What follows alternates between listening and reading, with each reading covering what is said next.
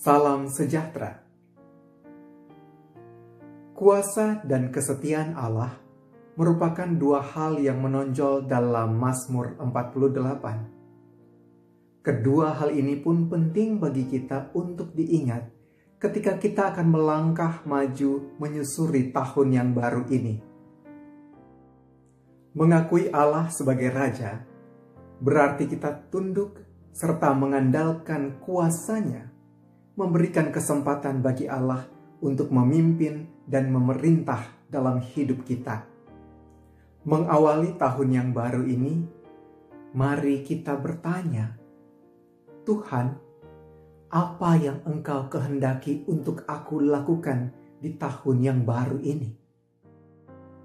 Lalu, mintalah juga supaya Allah menguasai segala rencana hidup kita ke depan Pengalaman hidup setahun yang lalu bukanlah perjalanan yang mudah bagi kita semua. Namun, kita patut bersyukur karena kasih dan kesetiaan Allah tidak pernah pudar dari kehidupan kita. Dia tetap Allah yang sama, yang akan terus menyertai kita dan membawa kita maju menerobos berbagai persoalan yang ada di depan persoalan pandemi dan persoalan kehidupan kita yang lainnya belum selesai. Kita pun tahu bahwa masa depan tidak semudah yang kita bayangkan. Semua penuh misteri.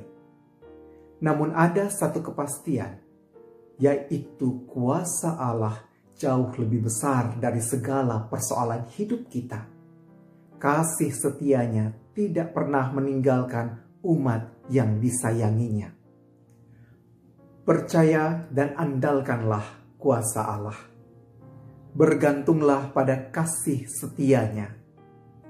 Ingat, dialah yang memimpin kita. Mari kita berdoa. Ya Tuhan, ketika memasuki tahun yang baru ini, ajarkan kami untuk tunduk pada kuasamu sehingga mampu melihat betapa indahnya rancangan kesetiaanmu yang selalu nyata dalam hidup kami.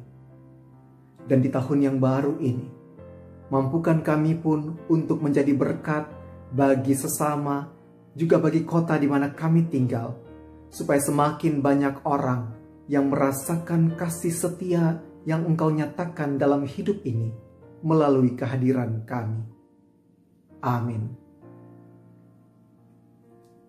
Tuhan memberkati kita.